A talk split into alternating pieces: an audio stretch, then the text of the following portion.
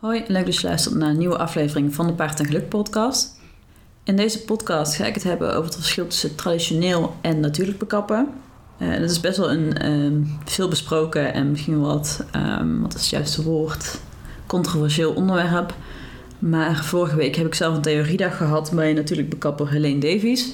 En daarom leek me dit wel het moment om een podcast over natuurlijk first traditioneel bekappen te doen. Ik wil eigenlijk deze podcast over hoeven doen. Maar ik kwam er toch wel achter terwijl ik me bezig was dat het heel lastig is om echt dingen over hoeven uit te leggen in een podcast. Omdat het toch wel echt makkelijker is met beeld erbij. Dus wie weet, mocht eh, er ooit een paar tegelijk YouTube kanaal komen, en dan komt er ongetwijfeld nog een video over hoeven. Maar voor podcast vond ik dat vrij ingewikkeld worden. Dat was mijn idee om een podcast te maken over hoeven, maar uiteindelijk is het dus meer Ehm, over traditioneel versus natuurlijk bekappen geworden. Deze podcast zal ook wat persoonlijker zijn dan normaal, omdat ik zelf recent voor mijn pony de switch heb gemaakt van een traditionele smid naar natuurlijk kapper. En ik zal dus ook vooral in deze podcast over deze ervaring gaan vertellen en waarom ik deze keuze gemaakt heb. Over het algemeen heb ik het in deze podcast vooral over een onderwerp en niet zozeer over mezelf of mijn keuzes of mijn eigen pony. Uh, dat zal in deze podcast iets meer aan bod komen. Ik ben zelf namelijk na één cursusdag natuurlijk geen expert. En dat speelde er ook in mee dat ik het lastig vond om echt iets over hoeven te vertellen. Dus misschien dat ik in de toekomst nog een keer op zoek ga naar een bekapper die me kan helpen met een podcast over hoeven. Maar ik vind hoeven wel ontzettend belangrijk onderwerp waar denk ik heel veel eigenaren veel te weinig over weten. Dus daarom wil ik hier toch even aandacht aan besteden. Ik ben zelf ook um, tot een paar maanden geleden zo'n eigenaar geweest die er veel te weinig over weet. Dus dat uh, is ook helemaal niet gek. Maar ik denk wel dat het belangrijk is om je daar wel in te verdiepen. Dus daarom wil ik toch een podcast maken over dit onderwerp. Om te beginnen alvast een disclaimer, want ik wil met deze podcast niet zeggen dat natuurlijk bekappen goed is en dat traditionele hoefsmeden slecht zijn. Zo zwart-wit is het natuurlijk helemaal niet. Er zijn net zo goed slechte bekappers en ook traditionele smeden die juist heel goed werk leveren. Ik ga in deze podcast ook de verschillen uitleggen. Maar ik ben me ervan bewust dat er inmiddels ook heel wat traditionelere hoefsmeden zijn die ook al wat meer richting natuurlijk bekappen werken. En dat er hierin veel stromingen zijn. Dus het is niet zo dat iemand of natuurlijk bekapper is of traditioneel hoefsmid. Er zit een heel scala tussen, zeg maar. Uh, dus ik ga in deze podcast wel vooral de, het ene uiterste het ene over het andere uiterste zetten. Maar ik wil dus wel even duidelijk maken dat ik niet geloof dat het of het een of het ander is. Er zit echt wel meer tussen. Wel heb ik niet voor niks de overstap van traditioneel naar natuurlijk gemaakt. Dus het spreekt denk ik over zich dat ik hier op dit moment met de kennis die ik nu heb meer achter sta. En ergens is dit misschien ook wel een beetje een pleidooi voor natuurlijk bekappen. Of op zijn minst om kritisch te zijn op je hoefverzorger en de hoeven van je paard. Ook wil ik er vast bij zeggen dat merendeel van de informatie in deze podcast over het verschil tussen natuurlijk en traditioneel eh, bekappen geschreven is door aanhangers van natuurlijk bekappen. Dat kan het beeld wat vertekenen, maar ik heb van behoefsmeden niet echt lijstjes terug kunnen vinden over de verschillen tussen deze twee manieren van werken. Maar dat wil ik dus wel even bijzeggen. Voor nu wil ik eerst even vertellen welke switch ik heb gemaakt en waarom ik hiervoor heb gekozen. Ik heb mijn pony nu ruim een jaar, sinds augustus 2019. En van begin af aan is hij eigenlijk meegegaan met de hoefsmid van een stalgenoot. Want ja, dat was lekker makkelijk. Ik hoefde er zelf namelijk geen vrij voor te vragen en ik wist zelf toch geen andere hoefsmid. Want ik heb over de jaren heen ook voor mijn vorige uh, bijrijpaard heb ook wel verschillende hoefsmeden gehad. Maar dat was nou niet echt per se één dat ik denk van die is nou echt geweldig. En ik heb sowieso altijd dat gevoel gehad dat misschien is dat alleen voor mij, maar dat hoefsmeden best wel gewoon makkelijk inwisselbaar waren of zo. Ik, als, want we zijn een aantal keer van stal gewisseld en dan keek ik gewoon van ja, uh, vroeg ik stalgenoot wie komt hier? Nou oké, dat mag die mijn paard ook doen. Ja, misschien achteraf is dat ook niet zo handig, maar ik wist ik wist er gewoon niet genoeg vanaf om te kunnen beoordelen of een smid wel of niet goed is. Maar deze hoefsmid die uh, de hoeven van mijn pony deed, die kwam helemaal uit Limburg. En de stalgenoot die dat regelde voor wie hij kwam, die, ga, die gaat in december weg. Dus vanuit Limburg zou hij voor één paard natuurlijk niet helemaal komen. En ik wist dus al dat ik op zoek moest naar een andere. En dat vond ik ook niet erg, want ik merkte sowieso dat de hoeven van mijn pony niet echt matchte met ehm, die van de paarden van mijn stalgenoot. Want die van mijn pony, die mocht eigenlijk iedere zes weken mochten die wel weer gedaan worden. En mijn stalgenoot die wachtte vaak wel acht tot tien weken. Op persoonlijk vlak had ik ook niet zoveel met deze smid. Ik zag hem dan niet zo vaak, maar ik heb hem één keer gezien. En dat, uh, ja, niet echt mijn soort mens. En je hebt altijd mensen die zeggen, ja, het maakt niet uit of ik hoef er geen persoonlijk klik mee te hebben als je werk maar goed doet. Maar ik vind het zelf wel belangrijk. Ik wil namelijk ook leren bij een behandeling. Ik stel veel vragen en dan moet iemand ook gewoon voor openstaan. Maar ik moet ook zeggen, zeker de laatste maanden vond ik zijn hoeven een beetje raar uitzien. Ze werden vrij snel een beetje vierkant. Dus ik was gewoon niet tevreden. Dus dan is het tijd om verder te zoeken. Ik had inmiddels best wel veel gelezen over natuurlijk bekappen. En in eerste instantie vooral veel opbokt over hoeveel, hoeveel verpest waren door natuurlijk bekappen. En dat het zo slecht was. Maar dat zijn echt topics van de afgelopen 20 jaar ongeveer. Ik heb, uh, ja, ik heb een beetje te googlen en ik vond zo een topic van 2005 over uh, iemand die een slechte ervaring had met natuurlijk bekappen. En dat was dan ook nog een geval dat uh, zij een cursus had gedaan en zelf haar paard te gaan bekappen. En dat ze, dat, dat vervolgens voor problemen heeft gezorgd. Dus ik denk in eerste instantie, wat je ook doet, blijf altijd zelf nadenken. En vertrouw niet blind op anderen. Maar dat terzijde, want daar ging ik het niet over hebben. Maar omdat ik er zoveel slechte verhalen over had gelezen, was dat dus ook wel de associatie die ik zelf lang heb gehad met natuurlijk bekappen. Ik was laatst een keer bij een oud stalgenoot. Ik vertelde dat ik een natuurlijk bekappen had. En die zei ook zo. En die begon ook meteen van, hmm, daar heb ik geen goede ervaringen mee. Dus in die, zin, in die heeft natuurlijk bekappen denk ik wel een negatief imago. Maar die associatie had ik dus ook. En ik had geen verstand van hoeven. Dus ja, dan weet ik, ik kan natuurlijk ook niet zelf beoordelen of het of natuurlijk daadwerkelijk slecht is of uh, dat het eigenlijk niet zo is. Je vertrouwt uiteindelijk op, je mensen, op de mensen om je heen. En tot nu toe was ik eigenlijk altijd via via bij hoefsmeden terechtgekomen. Dus ik ben er ook nooit echt zo bewust mee bezig geweest. Nou, sinds ik Zenit heb, ben ik wel steeds meer met natuurlijk paardenhouden bezig. En dan zit ik ook in Facebookgroepen als Paard Natuurlijk en Denken over Paarden. Daar zag ik eigenlijk alleen maar goede verhalen over natuurlijk bekappen en slechte verhalen over traditioneel voorbij komen. En ik vond de foto's er eigenlijk ook altijd mooi uitzien. En ik had toen ook nog een ex-stalgenoot, wiens paarden ook natuurlijk bekapt werden. En ik vond die hoeven er ook altijd netjes uitzien. Dus toen ben ik me ook meer gaan inlezen in natuurlijk bekappen. Want ik moest toch iemand anders gaan zoeken. Dus misschien was natuurlijk bekappen dan wel een idee. En ik heb het hier toen dus ook nog met die ex-stalgenoot over gehad. Zij heeft mij toen ook een beetje uitgelegd hoe het allemaal werkte. En ik vond het idee erachter gewoon heel logisch klinken. Voor Zenit heb ik bijvoorbeeld ook een Natural Balance Dentist. En ik probeer hem zo natuurlijk mogelijk te houden en te voeren. En dan past natuurlijk bekapper ook wel in dat straatje. Toen besloot ik dat ik dus inderdaad een natuurlijk bekapper wilde gaan proberen. Maar er kwam meteen de volgende uitdaging. Want alle natuurlijk bekappers in de buurt zaten vol en namen geen nieuwe klanten meer aan. Dus daar zat ik dan met mijn goede bedoelingen. Ik heb een oproep op Instagram geprobeerd, maar ook daar kwam niet echt iets uit. In deze periode is er bij ons stal ook een nieuwe stalgenoot bijgekomen, wiens paarden ook natuurlijk bekapt werden. Dat heeft waarschijnlijk gewoon zo moeten zijn. En via haar ben ik dus bij mijn huidige bekapper terechtgekomen.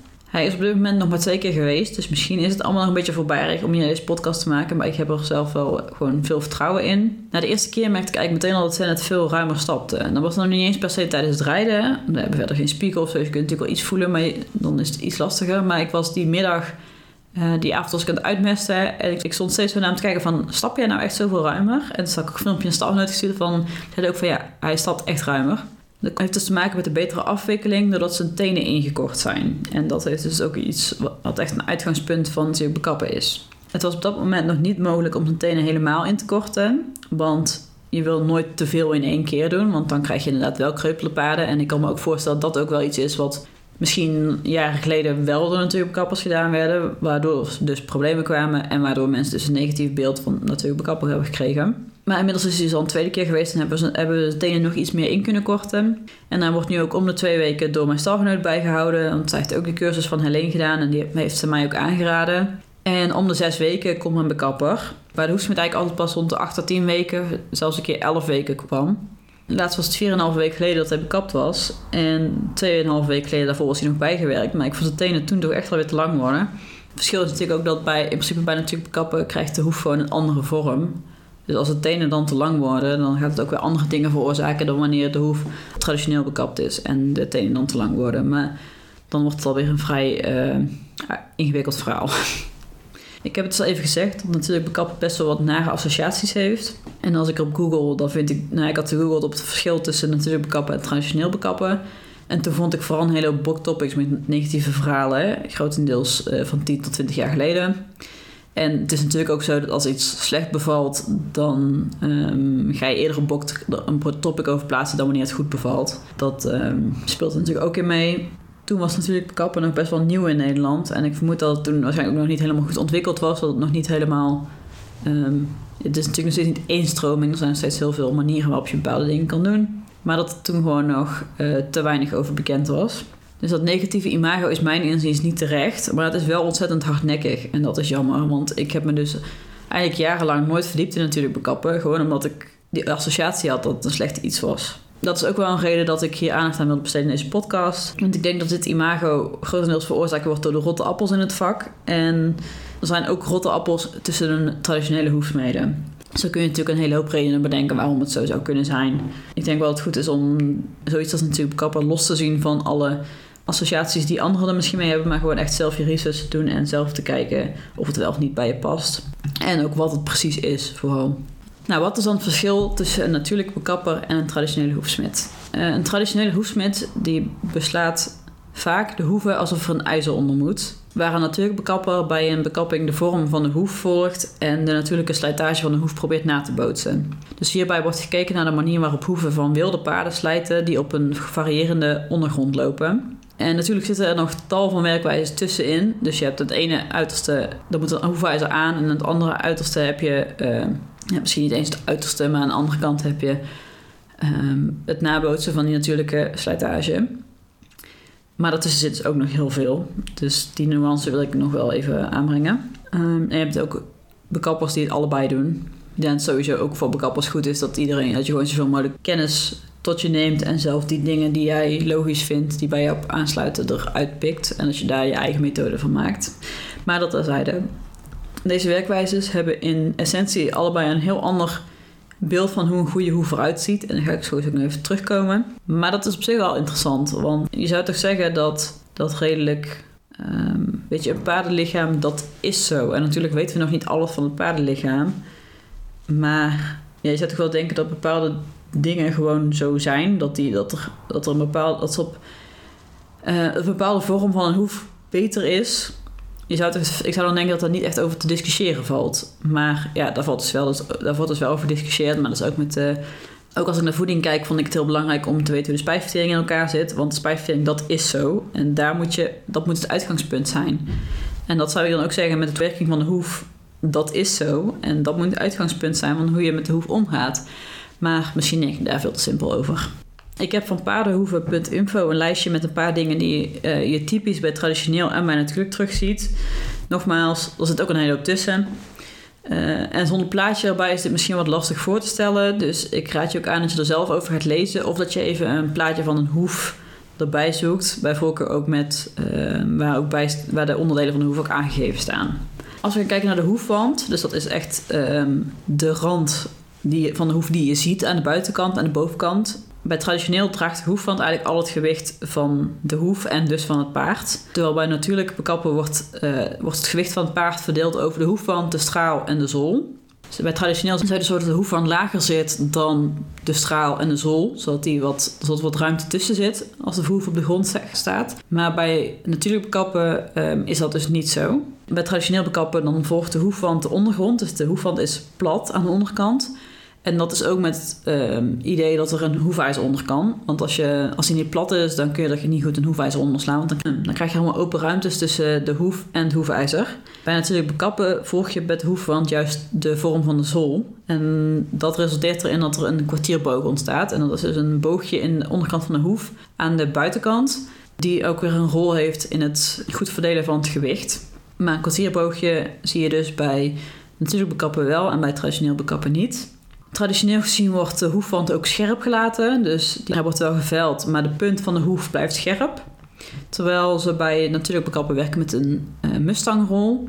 En dat betekent dat, je de, dat, dat de punt van de hoef een beetje afgerond wordt. Uh, en dat op die manier kan de hoef ook beter uh, afwikkelen. Dan heb je bij traditioneel dat de hielen hoger worden gelaten. En bij het natuurlijk worden de hielen juist zoveel mogelijk verlaagd.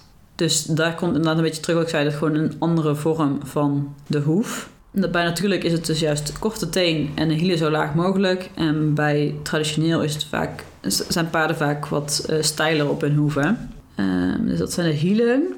Traditioneel halen ze de straal van de grond af. De straal is dus die V in de hoeven. Ik heb altijd gedacht dat de straal echt de, rand, de uh, groeven eromheen was. Maar dat is dus de straalgroeven. De straal is echt de, die, het V-vormige blokje in de hoef, zeg maar.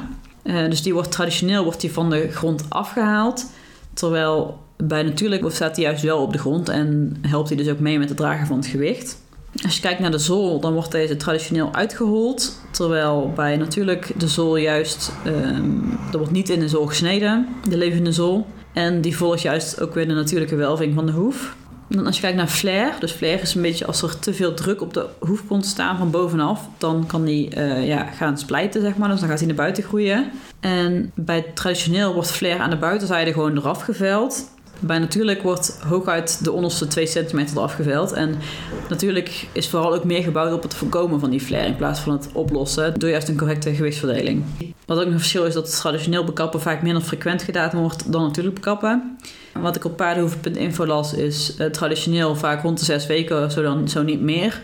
Mijn ervaring is traditioneel um, 8 tot 10 weken eerder dan 6 weken. Bij natuurlijk is het dus een frequenter met uh, vier tot zes weken. En dan het liefst ook elke twee weken dat je het zelf nog bijhoudt. Um, dus dat zijn eigenlijk een beetje de verschillen tussen traditioneel en natuurlijk. En voor mij is dat gewoon... Natuurlijk klinkt voor mij gewoon logischer. Omdat dat ook is hoe de hoeven in de natuur afsluiten. En ik mijn pony gewoon zoveel mogelijk... Zo dicht mogelijk bij de natuur probeer te houden. Niet in alle opzichten. Want dan krijg je ook een vraag... Waarom gebruik je dan wel dekens? Uh, die gebruik ik dit jaar nog wel, misschien volgend jaar niet meer, weet ik nog niet. Maar dit was dit een vrij makkelijk aspect om het hierin zo natuurlijk mogelijk te doen. Uh, en als je ook als je naar de straal kijkt, die wordt, bij, wordt traditioneel wordt die in een nette vorm bijgesneden. En als je kijkt natuurlijk wordt er gewoon weggehaald wat nodig is, maar wat niet uh, nodig is, wordt ook niet weggehaald. Um, dus als de straal een beetje over de straalgroef heen aan het groeien is, wordt het wel weggehaald.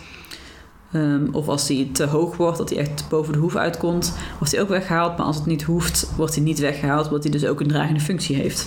Er zijn gewoon een hele hoop dingen waarin deze twee stromingen verschillen. En zoals ik al zei, alles wat, er zit nog heel veel tussen. Wat het ene wel doet het andere weer niet. Dus er, zit, er zijn gewoon zoveel mogelijkheden. En daarom is het ook zo belangrijk om je als eigenaar in te verdiepen. Ik heb nu dus een cursusdag gehad. Ik heb vanochtend nog bij een stalgenoot meegekeken terwijl ze een paard aan het bekappen was.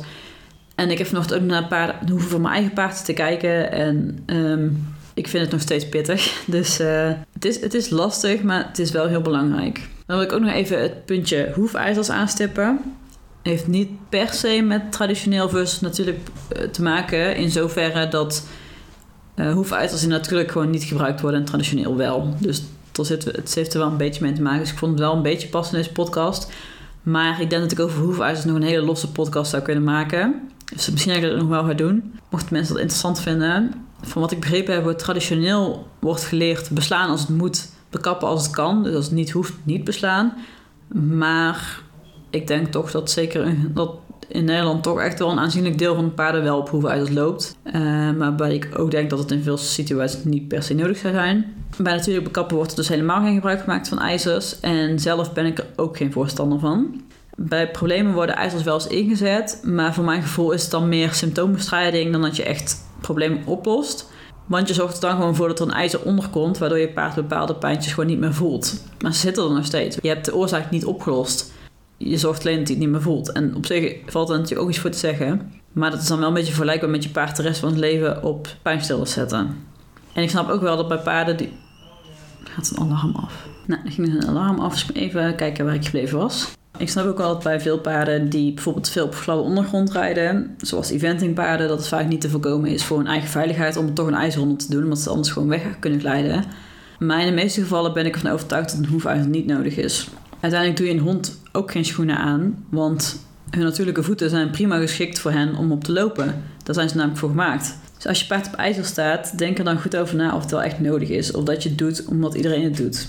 Bij een paard dat gevoelig loopt kun je bijvoorbeeld beter kiezen voor hoefschoenen dan voor hoefijzers, omdat je die gewoon niet continu aan hebben. Iets waaruit je kan opmaken dat ijzers niet goed zijn voor paarden, is dat ze vaak gevoelig lopen wanneer de ijzers onderuit gehaald worden. Dat zou geen verschil mogen maken als een ijzer goed is voor je paard, want dan zou je er geen last van mogen hebben. En de hoef van een paard heeft daarnaast natuurlijk een schokdemping en deze wordt door een ijzer verminderd. Dus je hebt vaak van die filmpjes, die kun je vast ook wel terugvinden op YouTube, van een paard met ijzer en zonder ijzer. En hoeveel, wat voor invloed dat heeft op het onderbeen ook vooral. Of de schokdemping wel of niet gebruikt kan worden.